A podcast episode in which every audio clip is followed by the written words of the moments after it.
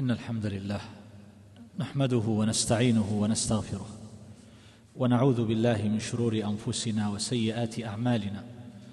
من يهده الله فلا مضل له ومن يضلل فلا هادي له وأشهد أن لا إله إلا الله وحده لا شريك له وأشهد أن محمدا عبده ورسوله صلى الله وسلم وبارك عليه وعلى آله وصحبه أجمعين. أما بعد فمرحبا بكم معاشر الإخوان والأخوات وأسأل الله تبارك وتعالى لي ولكم القبول.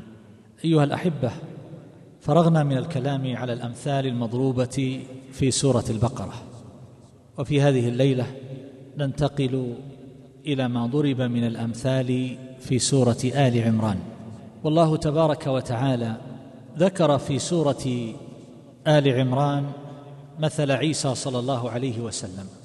إن مثل عيسى عند الله كمثل آدم خلقه من تراب ثم قال له كن فيكون. فهذا المثل أو الذي عبر عنه بالمثل معنى المثل فيه أي الصفة والحال. صفة عيسى صلى الله عليه وسلم الذي احتج النصارى على تأليهه بأنه وجد من غير أب كحال آدم عليه الصلاة والسلام حيث وجد من غير أب بل وزيادة من غير أم. فإذا كان ذلك موجبا للتأليه فإن آدم عليه الصلاة والسلام أعجب حالا من عيسى صلى الله عليه وسلم. وعيسى عليه الصلاة والسلام متولد في رحم من امرأة من البشر يغذوه ما في رحمها مما يهيئه الله تبارك وتعالى له. فهو متولد من إنسان. أما آدم صلى الله عليه وسلم فهو من تراب. المقصود بذلك أيها الأحبة أن هذا المثل بمعنى الصفة. وقد ذكرت لكم من قبل في الكلام على معنى الأمثال أن ذلك يحتاج إلى تحرير. فمما صرح فيه بلفظ المثل ما يكون بمعنى الصفة مثل الجنة أي صفة الجنة. وإن قال بعض أهل العلم بغير ذلك. في مثل هذا المثال ولكن على كل حال قد لا يكون له تفسير أقرب ولا أوضح من هذا فيكون بمعنى الصفة وبمعنى الحال العجيبة. ولهذا لن أتحدث عن هذا النوع كما في هذا المثال في سورة آل عمران لأنه بمعنى الصفة. كما أنه يوجد في المقابل أمثال من قبيل ما نتحدث عنه وإن لم يصرح فيها. بلفظ المثل. كما سيأتي وكما أشرت إلى ذلك في أول الكلام على الأمثال. اذا سنتحدث عن مثل واحد في سورة آل عمران وهو ما ضربه الله تبارك وتعالى لأعمال الكافرين ونفقاتهم. فالله تبارك وتعالى يقول عن الكفار إن الذين كفروا لن تغني عنهم أموالهم ولا أولادهم من الله شيئا. وأولئك أصحاب النار هم فيها خالدون ثم قال مثل ما ينفقون في هذه الحياة الدنيا كمثل ريح فيها سر أصابت حرث قوم ظلموا أنفسهم فأهلكته. وما ظلمهم الله ولكن أنفسهم يظلمون. هذا المثل أريد أن أوضح بعض المعاني المتعلقة به ثم أبين معناه على سبيل العموم والإجمال. فقوله تبارك وتعالى مثل ما ينفقون في هذه الحياة الدنيا كمثل ريح فيها صر. من أهل العلم من يقول إن المعنى أنه تصوير لفعل الله عز وجل بنفقاتهم. كريح فيها صر أتت على حرث قوم ظلموا أنفسهم فأهلكته. هكذا فعل الله بنفقة الكفار وصدقاتهم في الحياة حينما يلقونه يبطل ذلك ويحبطه جميعا فيخيب رجاؤهم منه. فهؤلاء يقولون خرج المثل للنفقة والمراد بالمثل وصنيع الله عز وجل بنفقة الكافر. ولكنه عبر عنه بمثل هذه العبارة لأن المعنى مفهوم لأن المعنى مفهوم. لكن لما كان المراد هو بيان الإبطال أو بطلان نفقات الكافرين وأنها لا تنفعهم عند الله تبارك وتعالى. قال مثل ما ينفقون في هذه الحياة الدنيا كمثل ريح فيها صر. فهو يبين مآل هذه النفقات فابتدأ بها. وإلا فالمعنى مفهوم من السياق والله تعالى أعلم. هكذا قال كبير المفسرين أبو جعفر بن جرير رحمه الله تعالى. فهو تمثيل للإبطال. بريح فيها صر أصابت حرث قوم الآية. وبعضهم يقول هو تمثيل لنفقة الكافر في بطلانها وذهابها كمثل زرع أصابته ريح باردة أو نار فأحرقته كما يقول القرطبي في تفسيره. تمثيل لنفقاتهم بحرث أصابه أصابته ريح شديدة باردة إلى آخره. والأمر في ذلك قريب فإن المعنى مفهوم فالله تبارك وتعالى يبين بطلان تلك النفقات وأنهم لا ينتفعون بها فحالها كحال زرع أتى عليه ما يبطله ويتلفه ويحرقه. وسيأتي مزيد من الإيضاح بإذن الله تبارك وتعالى في ذلك.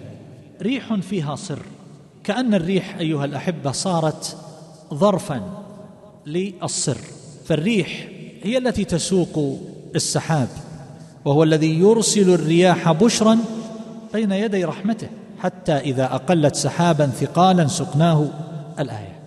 فهي التي تحمل السحاب وتكون مبشرة بين يدي المطر وتكون لواقح للسحاب.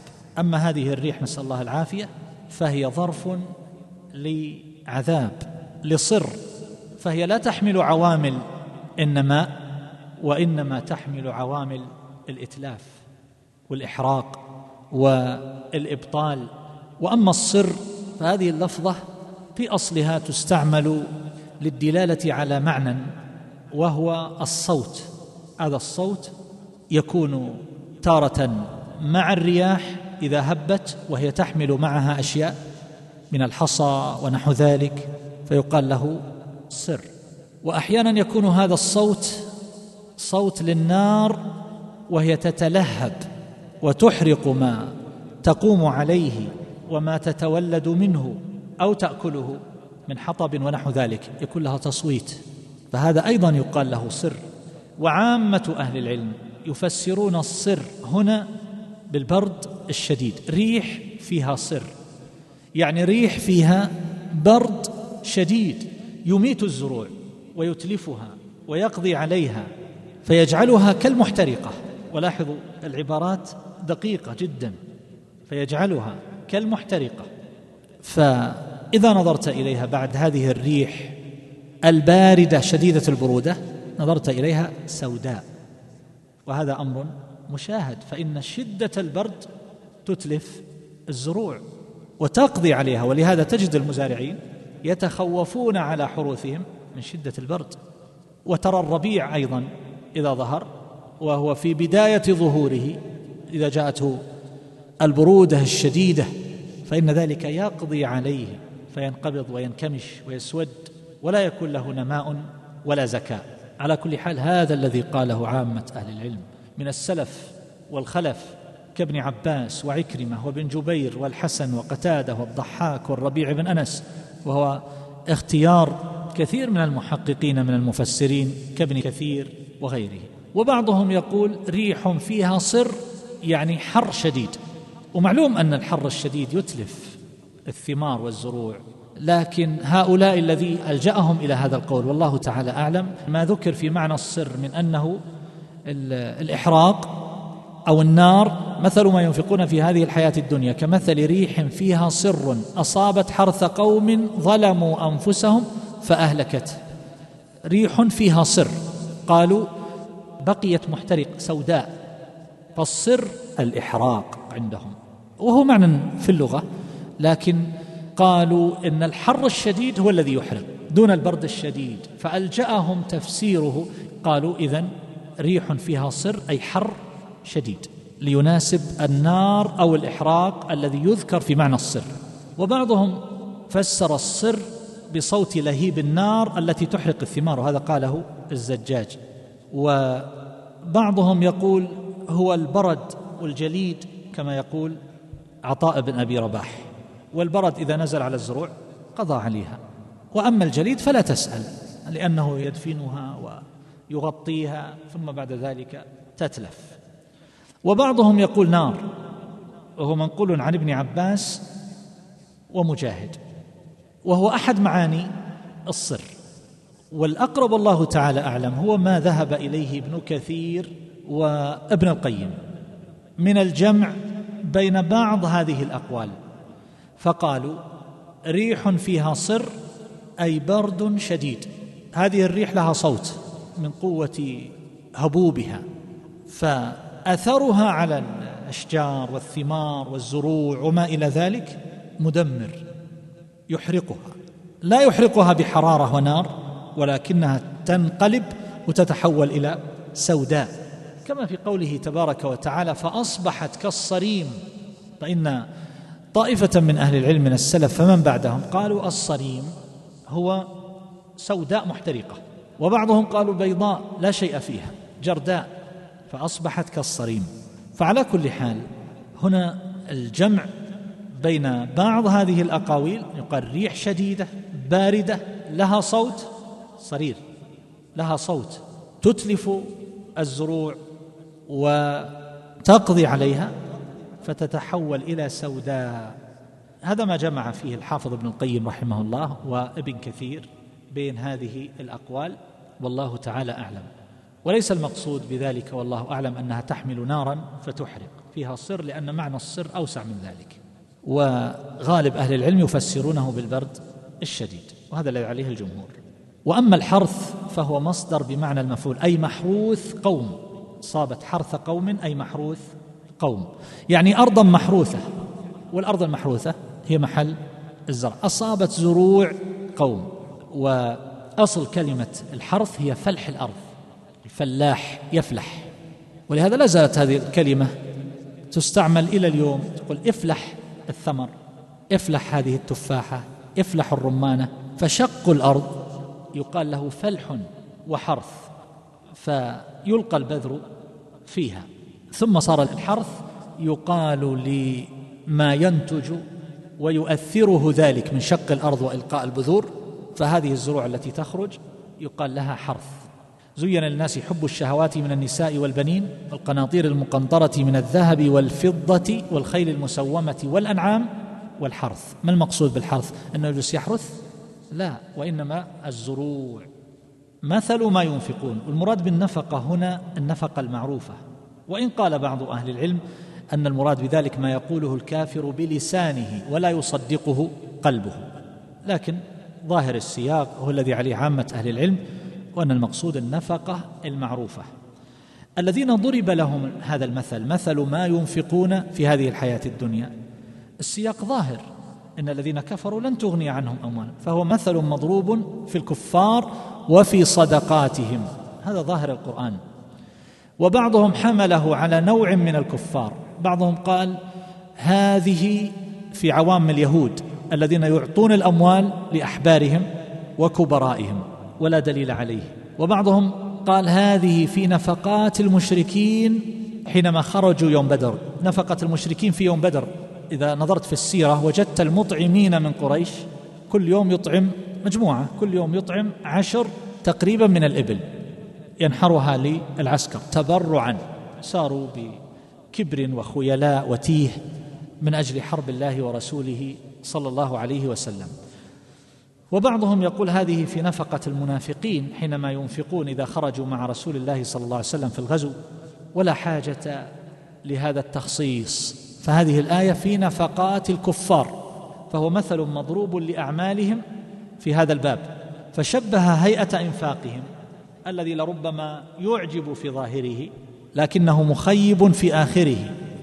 شبه ذلك حينما يحبطها الله تبارك وتعالى بهيئة زرع أصابته ريح باردة فأهلكته فهكذا الكفار يمحق الله ثواب أعمالهم في هذه الحياة الدنيا وثمرتها كما أذهب ثمرة هذا الحرث بذنوب صاحبه.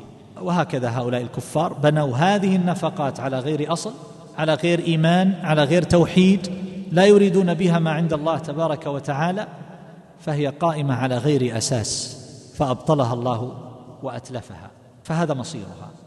فمن أهل العلم كابن جرير من يقول هذا في نفقاتهم التي يريدون بها التقرب وهذا المعنى قريب جدا.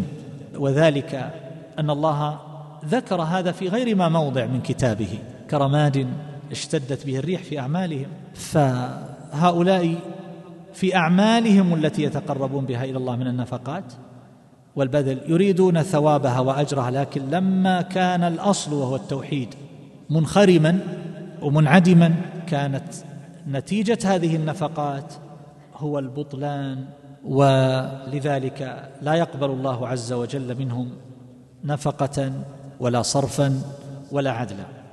ومن أهل العلم مثل الشيخ عبد الرحمن بن سعدي رحمه الله من حمل ذلك على نفقات معينة وهي النفقات التي ينفقونها ليصدوا بها عن سبيل الله. إن الذين كفروا ينفقون أموالهم ليصدوا عن سبيل الله. فسينفقونها ثم تكون عليهم حسرة ثم يغلبون. والذين كفروا إلى جهنم يحشرون. فهذا مصير نفقاتهم التي ينفقونها للصد عن الدين. وهذا المعنى له وجه.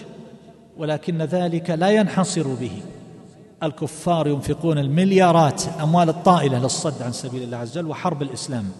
لكن هذه النفقات تذهب ويبطلها الله تبارك وتعالى وتكون كلا شيء بل تكون زادا لهم إلى النار.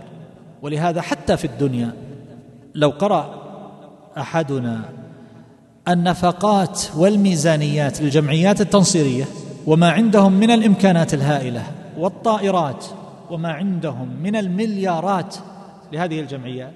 المؤتمر الواحد يحضره أكثر من ثلاثين ألف من المنصرين في العالم. مؤتمر واحد. إذا نظرت إلى القاعة التي يملكها واحد من هؤلاء من كبار هؤلاء قاعة واحدة لأعمال التنصير قاعة واحدة كأنها ملعب رياضي. وإذا نظرت كم عندهم من الأطباء كم عندهم من المفرغين كم ينفقون في آسيا وفي أفريقيا إلى آخره؟ تقول هذا هؤلاء لن يتركوا أحد على وجه الأرض إلا نصر. وين الإمكانيات البسيطة جدا للدعاة المسلمين والجمعيات الإسلامية؟ لا شيء لا شيء. وأولئك يملكون الميزانيات الضخمة التي نخطئ في قراءة الأرقام. لكن إذا نظرت إلى النتائج فسينفقونها ثم تكون عليهم حسرة. هذه النتيجة التي يراها المسلم بارزة وظاهرة أمام عينيه حينما ينظر في حال هؤلاء وما آل إليه أمرهم قبل مدة قريبة في رمضان هذا التقيت بأحد العلماء في أحد البلاد الإفريقية رجل من أهل العلم وله بصر جيد في الدعوة وفي حال أفريقيا وفي. فكنت أسأله عن بلده فقط ماذا تتوقع؟ قال أتوقع بعد عشر سنوات بإذن الله. أن الإسلام سيكتسح الجنوب بكامله.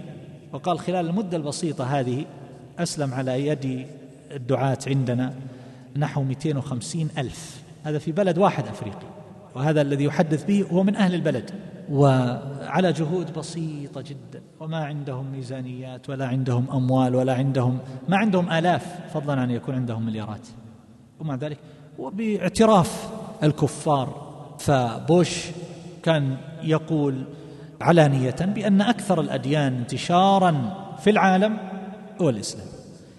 على كل حال فهؤلاء في نفقاتهم في الصد عن سبيل الله تبارك وتعالى وفي نفقاتهم أيضا يبتغون بها وجه الله جل جلاله يكون هذا مصيرها. ولهذا فإن الحافظ ابن القيم رحمه الله جمع هذه الأقوال. يقول مثل ما ينفقون في غير طاعة الله عز وجل ومرضاته في المفاخر والكسب الثناء وحسن الذكر وما ينفقونه للصد عن سبيل الله عز وجل. مثل هذا مثل الزرع الذي أصابه تلك الريح التي فيها صر فاحترق وهلكت ولم ينتفع منها بشيء. والخلاصة أن التوحيد هو الأصل والأساس. ونحن نعرف أن شروط قبول الأعمال ثلاثة. الأول التوحيد الإيمان يبنى على قاعدة صحيحة. فهذا في أعمال غير المؤمنين. والثاني هو الإخلاص. فقد يكون الإنسان مسلما لكنه قد لا يريد وجه الله بهذه النفقة. والثالث اتباع النبي صلى الله عليه وسلم العمل المشروع. ولهذا قال الله تبارك وتعالى في أول سورة الكهف ويبشر المؤمنين الذين يعملون الصالحات أن لهم أجرا حسنا. فذكر الإيمان هذا الشرط الأول. وقال الذين يعملون الصالحات فينتظم ذلك أمرين الإخلاص والمتابعة لأن العمل لا يكون صالحا إلا بالإخلاص والمتابعة. وقال في آخر سورة الكهف فمن كان يرجو لقاء ربه فليعمل عملا صالحا يعني صوابا ولا يشرك بعبادة ربه احدا فأسأل الله عز وجل أن يجعل أعمالنا صالحة وأن يتقبل منا ومنكم أجمعين وأن يعيننا وإياكم على ذكره وشكره وحسن عبادته. اللهم ارحم موتانا واشف مرضانا وعاف مبتلانا واجعل آخرتنا خيرا من دنيانا. صلى الله عليه محمد وعلى آله وصحبه.